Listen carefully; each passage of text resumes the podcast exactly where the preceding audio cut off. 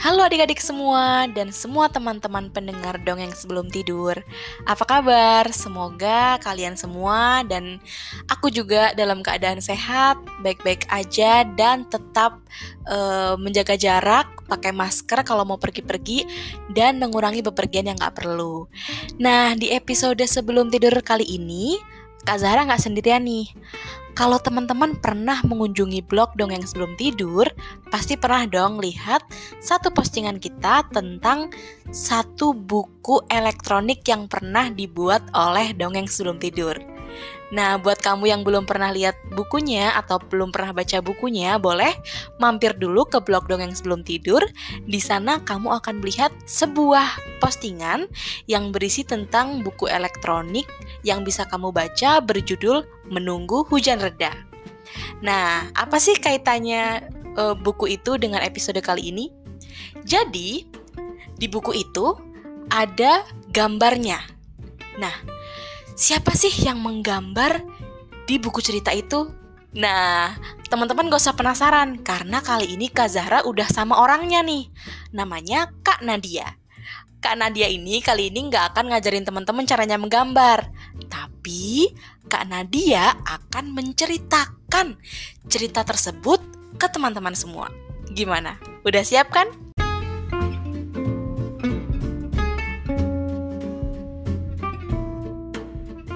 Halo kawan sebelum tidur, perkenalkan, aku Nadia. Aku adalah orang yang menggambar buku elektronik Menunggu Hujan Reda.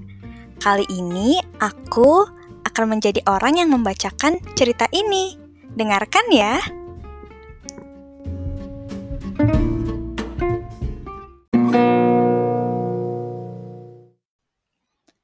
Menunggu hujan reda.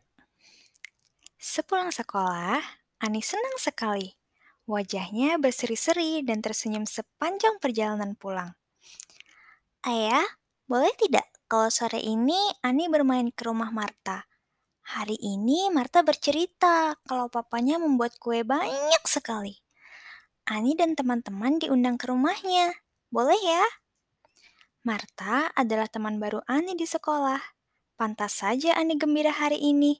Rupanya Marta mengundangnya bermain. Boleh saja, jawab ayah. Ani sangat senang dan tidak sabar menunggu sore datang. Sesampainya di rumah, Ani segera berganti pakaian dan makan siang dengan ayah, ibu, dan Kak Andi. Tiba-tiba, dar! Terdengar suara petir yang menggelegar. Ani terkejut dan segera melongok keluar. Nampak awan hitam sudah menyelimuti langit, pertanda akan turun hujan. Benar saja, tiba-tiba hujan turun dengan sangat deras. Ani pun tertunduk lesu. Seharusnya sore ini ia sudah berada di rumah Marta bersama teman-temannya. Ani, sambil menunggu hujan reda, bantu Kak Andi yuk. Tiba-tiba Kak Andi memanggil Ani. Ternyata Kak Andi mengajak Ani membuat panekuk pisang. Setelah semua bahan siap, Ani bertugas mencampurkan bahan-bahan adonan dan mengocok telur. Sementara Kak Andi memotong pisang yang manis menjadi potongan-potongan kecil. Setelah potongan kecil pisang tercampur dengan adonan, saatnya Kak Andi membuat panakuk di atas teflon. Biar Kak Andi saja ya, kalau Ani sudah besar, nanti baru boleh masak dengan kompor, ujar Kak Andi. Ani mengangguk. Ia tak sabar mencicipi panekuk pisang buatannya sendiri. Apalagi saat bau harumnya mulai tercium. Hmm, lezat.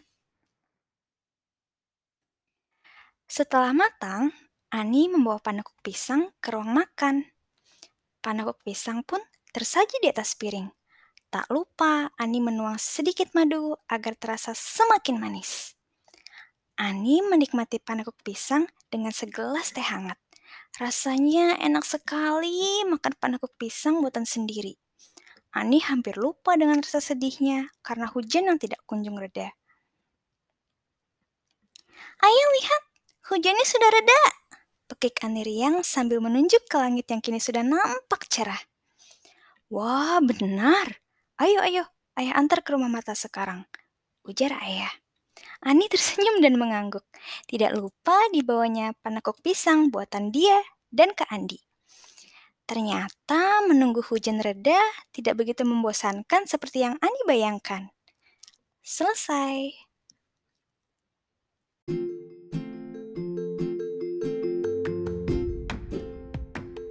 Sampai jumpa di episode-episode selanjutnya dan jangan lupa terus sebarkan dongeng-dongeng kebaikan.